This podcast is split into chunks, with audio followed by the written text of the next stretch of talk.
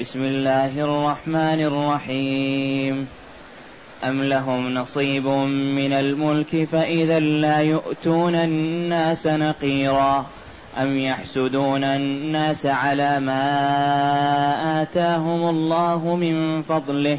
فقد آتينا آل إبراهيم الكتاب والحكمة وآتيناهم ملكا عظيما. فمنهم من آمن به ومنهم من صد عنه وكفى بجهنم سعيرا.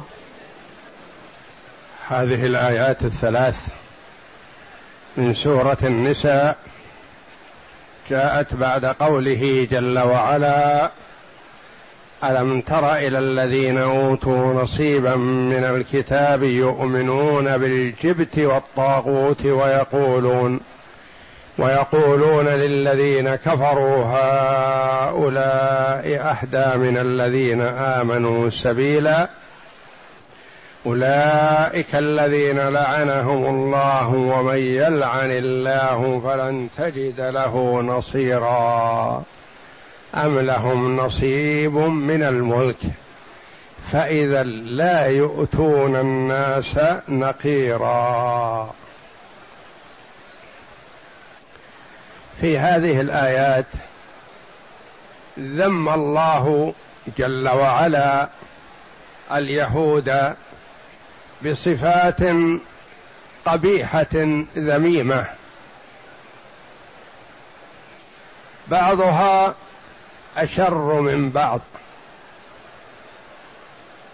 اولا وصفهم بالجهل.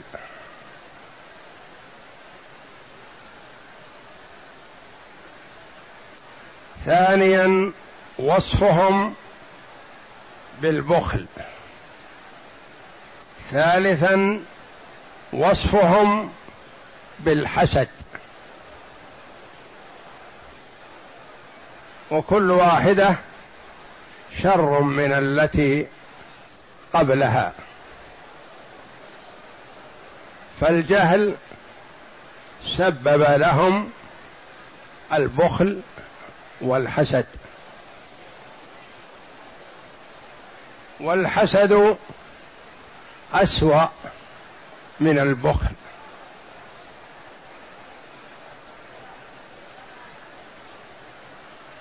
فاولا جهلوا مع ما عندهم من العلم فلم يستفيدوا من علمهم. مثل الذين حملوا التوراة ثم لم يحملوها كمثل الحمار يحمل اسفارا عندهم العلم لكن لم يعملوا به واتخذوا الجهل وفضلوه على العلم الذي عندهم.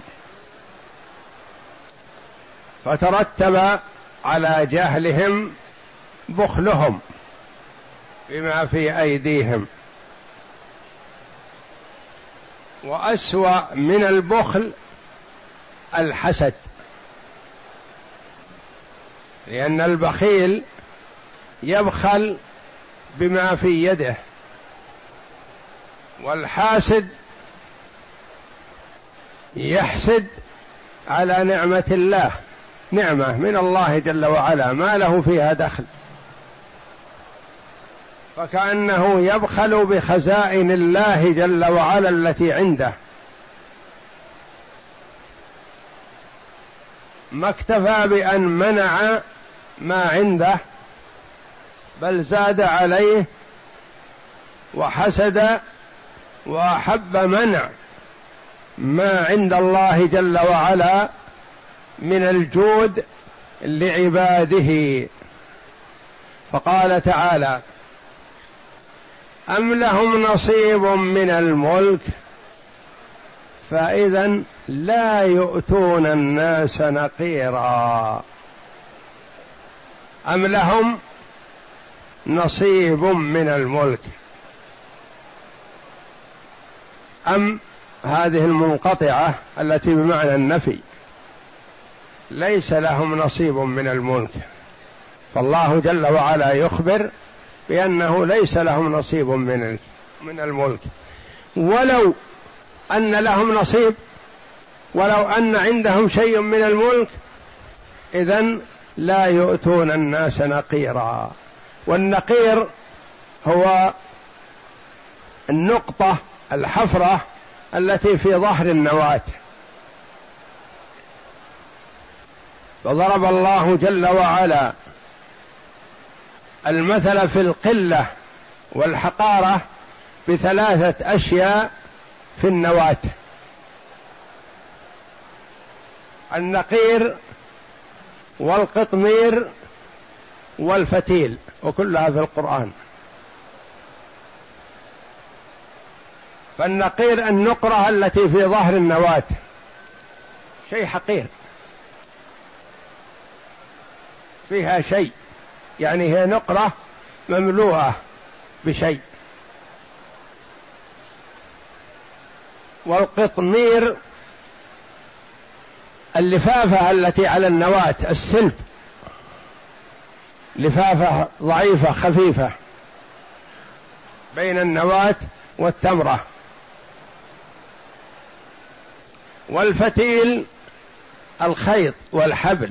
الذي في وجه النبوات في الثقب في الشطب الشق الذي في وسط النواة فيه خيط حقير يقال له فتيل.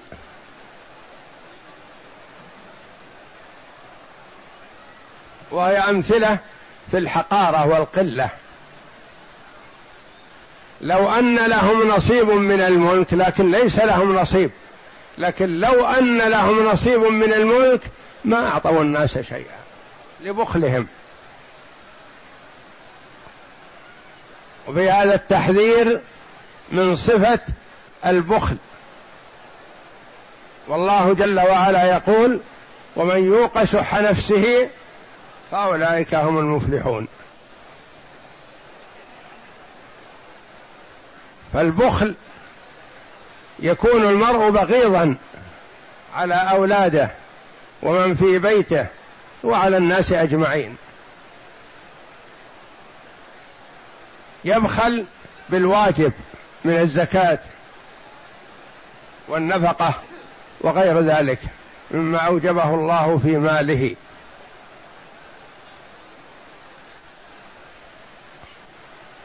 ومن يوق الشح والبخل يفلح ويسعد في الدنيا والآخرة. أم لهؤلاء اليهود ليس لهم نصيب من الملك؟ فإذا لو أن لهم نصيب من الملك لا يؤتون الناس نقيرا. ما يعطون الناس شيء يبخلون به. وهذا فيه التحذير من صفة البخل الذميمة. ثم قال تعالى أم يحسدون الناس على ما آتاهم الله من فضله؟ بل يحسدون الناس على ما آتاهم الله من فضله. والمراد بالناس قيل محمد صلى الله عليه وسلم. وقيل محمد وأبو بكر وعمر رضي الله عنهم. وقيل المسلمون عموما. وقيل العرب. لأنهم حسدوا العرب على أن بعث هذا النبي منهم. وكانوا يتوقعون أن يكون من بني إسرائيل. لأن الأنبياء عليهم الصلاة والسلام من بعد إبراهيم إلى محمد صلى الله عليه وسلم كلهم من بني إسرائيل ومن ذرية إبراهيم. ومحمد صلى الله عليه وسلم من ذرية إبراهيم صلى الله عليه وسلم. أم يحسدون الناس على ما آتاهم الله من فضله؟ يحسدون الناس محمد أو محمد وصحبه أو الناس المسلمون أو العرب على ما آتاهم الله من فضله. إذا كان محمد صلى الله عليه وسلم فما أعطاه الله من النبوة والرسالة والكتاب الذي أنزله عليه. وإذا كان العرب والمسلمون فبكون الرسالة والنبوة فيهم والكتاب جاء بلغتهم وبكلامهم على ما آتاهم الله من فضله. وقيل ما أباحه الله لمحمد صلى الله عليه وسلم من التزوج بأكثر من أربع وقد كان وقت نزول هذه الآية يقسم صلى الله عليه وسلم بين تسع نسوة عليه الصلاة والسلام.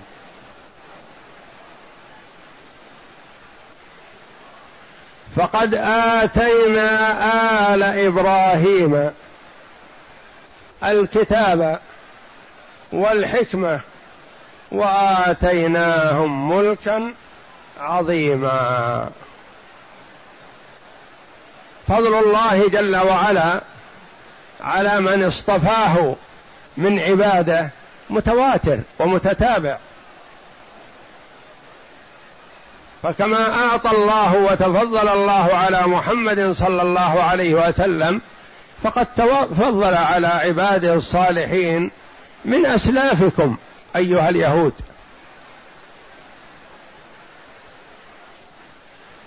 فقد آتينا آل إبراهيم والمراد بآل إبراهيم المنتسب إلى إبراهيم. يعني إبراهيم وآله. أدخلوا آل فرعون أشد العذاب. فآل الرجل هم وأهله. يعني هو نفسه معهم وأهله. فآل إبراهيم هم إبراهيم وذريته. آل محمد صلى الله عليه وسلم هم رسول الله صلى الله عليه وسلم محمد وآله من اصطفاهم صلى الله عليه وسلم وسماهم من آله. فقد آتينا آل إبراهيم الكتاب. عموم الكتب نزلت في آل إبراهيم. بعد إبراهيم عليه السلام وإعطائه الصحف. إبراهيم نزل عليه صحف صحف إبراهيم وموسى. نزلت الكتب التوراة والإنجيل والزبور والقرآن كلها في آل إبراهيم. فقد آتينا آل إبراهيم الكتاب الكتب المنزلة من الله تبارك وتعالى. الكتاب والحكم والحكمة الحكمة هي الفقه في الدين وقيل الأحكام الشرعية وقيل الحكم بالحق وقيل ما أعطاهم الله جل وعلا من السنة وما جعله على ألسنتهم من الكلام المحكم المفيد. ولا منافاة بين هذه الأقوال. يعني ما أعطاهم الله جل وعلا من الفضل. وآتيناهم ملكا عظيما. أعطاهم الله جل وعلا. مع الكتاب والحكمة الملك. ولا منافاة بين الكتاب والحكم والحكم أو الحكمة والملك الذي هو تصريف أمور الناس. لأن بعض اليهود عليهم لعنة الله قالوا لو كان محمد نبي ما تزوج تسع نسوة. لأنه يكون مشغول بالنبوة والرسالة عن الاهتمام بأمور النساء.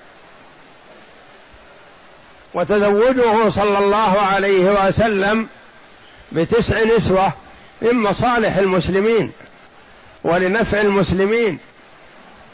ولينفع هؤلاء النسوة وذويهن ولينتفع المسلمون بما ترويه أمهات المؤمنين رضي الله عنهن من فقه وحكمة لا يطلع عليها الرجال من النبي صلى الله عليه وسلم في بيته وبخاصة نفسه وتصرفاته مع أهله ما يطلع عليها الرجال.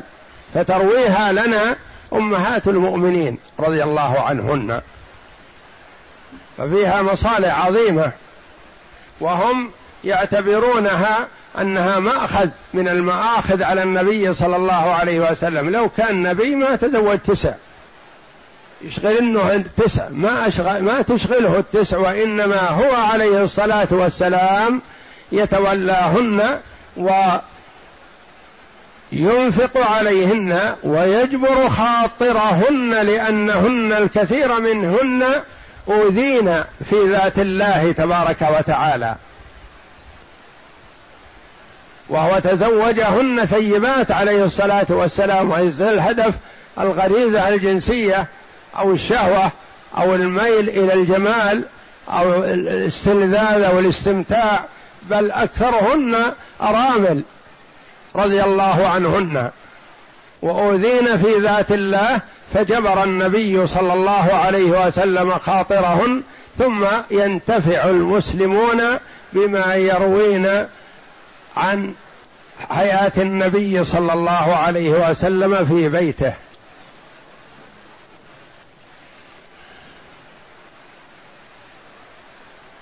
فقد آتينا آل إبراهيم الكتاب والحكمة وآتيناهم ملكا عظيما. آتى الأنبياء قبل محمد صلى الله عليه وسلم الكتاب والحكمة والملك العظيم وأباح لهم ما أباح جل وعلا من النساء. فالنبي صلى الله عليه وسلم ما جمع إلا تسع. بينما داود عليه السلام يقال كما يروى عنده مئة امرأة. وسليمان عليه السلام ابن داود على ما جاء عنده ألف امرأة.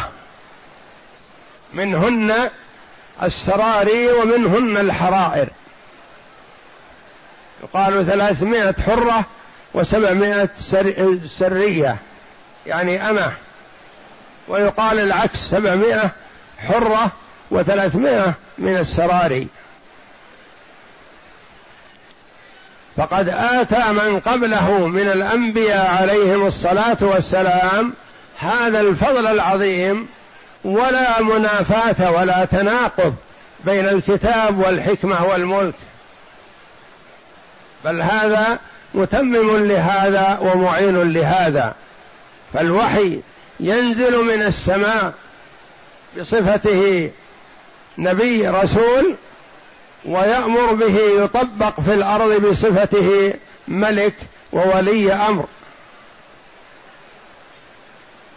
وقد آتينا آل إبراهيم الكتاب والحكمة وآتيناهم ملكا عظيما. فملك سليمان وداود عظيم. ما كان لمن قبل سليمان ولا يكون لمن بعده.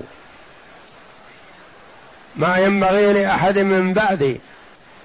فأعطاه الله جل وعلا شيئا لم يكن لمن قبله ولا يكون لمن بعده.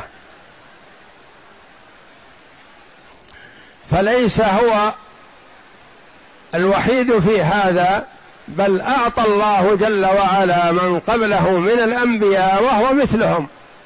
وأعطى ذرية إبراهيم وآل إبراهيم ومحمد صلى الله عليه وسلم من ذرية إبراهيم ومن آل إبراهيم.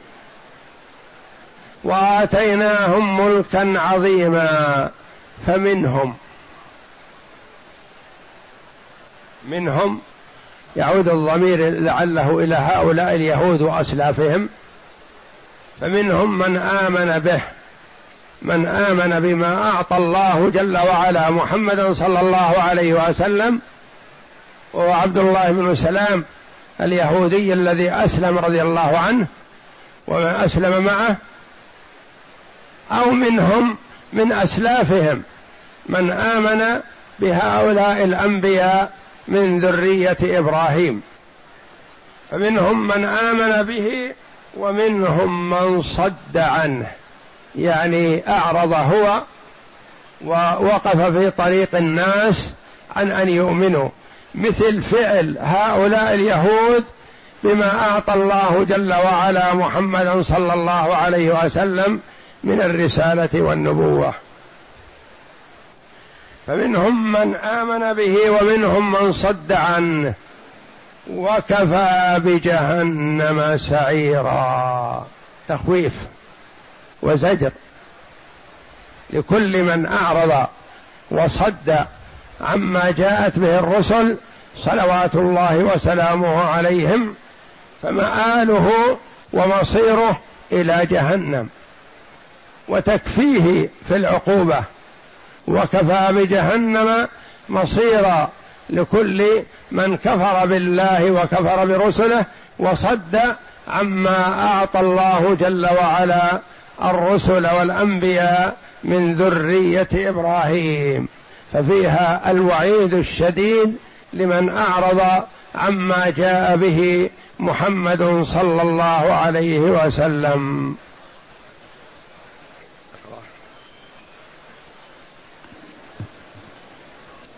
يقول تعالى أم لهم نصيب من الملك وهذا استفهام إنكاري أي ليس لهم نصيب من الملك.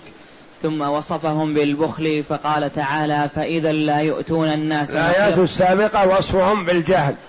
وهذه الآية أم لهم نصيب من الملك فإذا لا يؤتون الناس نقيرا وصفهم بالبخل. وفي قوله أم يحسدون الناس على ما آتاهم الله من فضله الآية وصفهم بالحسد. وكلها صفات ذميمة. فالجهل رتب عليهم البخل والحسد. والحسد شر من البخل لأن البخل يبخل الإنسان بما في يده والحسد يبخل بما في عند الله بما هو عند الله جل وعلا. نعم.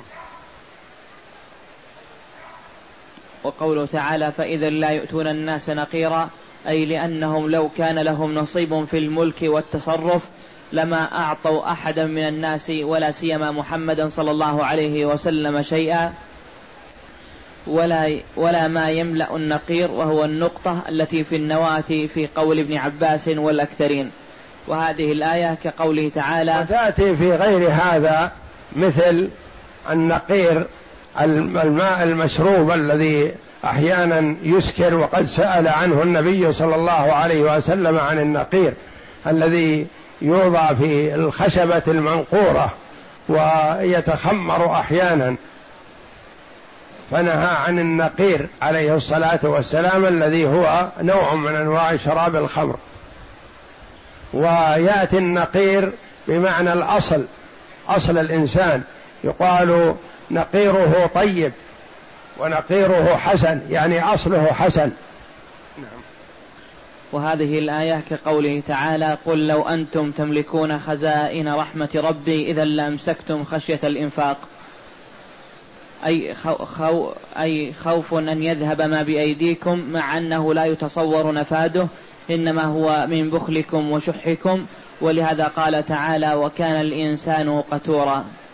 أي بخيلا ثم قال تعالى أم يحسدون الناس على ما آتاهم الله من فضله؟ يعني بذلك حسدهم النبي صلى الله عليه وسلم على ما رزقه الله من النبوة العظيمة ومنعه. وقد يطلق كلمة الناس على الفرد الذي يعادل الناس أو يعادل الأمة كما قال الله جل وعلا الذين قال لهم الناس إن الناس قد جمعوا لكم فاخشوهم فزادهم إيمانا وقالوا حسبنا الله ونعم الوكيل. وهنا يقول الشاعر وليس على الله بمستنكر أن يجمع العالم في واحد فيكون أطلق الناس واريد به محمد صلى الله عليه وسلم لأنه جمع من صفات الكمال التي لا تجتمع في أمة عظيمة من الناس ومنعهم من تصديقهم إياه ومنعهم من تصديقهم إياه الحسد لكونه من العرب وليس من بني إسرائيل. وقال تعالى فقد آتينا آل إبراهيم الكتاب والحكمة وآتيناهم ملكا عظيما أي فقد جعلنا في أسباط بني إسرائيل الذين هم من ذرية إبراهيم النبوة وأنزلنا عليهم الكتاب وحكموا فيهم بالسنين وهي الحكمة وحكموا فيهم بالسنن وهي الحكمة وجعلنا منهم الملوك. ومع هذا قال تعالى فمنهم من آمن به أي بهذا الإيتاء وهذا الإنعام ومنهم من صد عنه أي كفر به وأعرض عنه وسعى في صد الناس عنه وهو منهم ومن جنسهم أي من بني إسرائيل. فقد اختلفوا عليهم فكيف بك يا محمد ولست من بني إسرائيل؟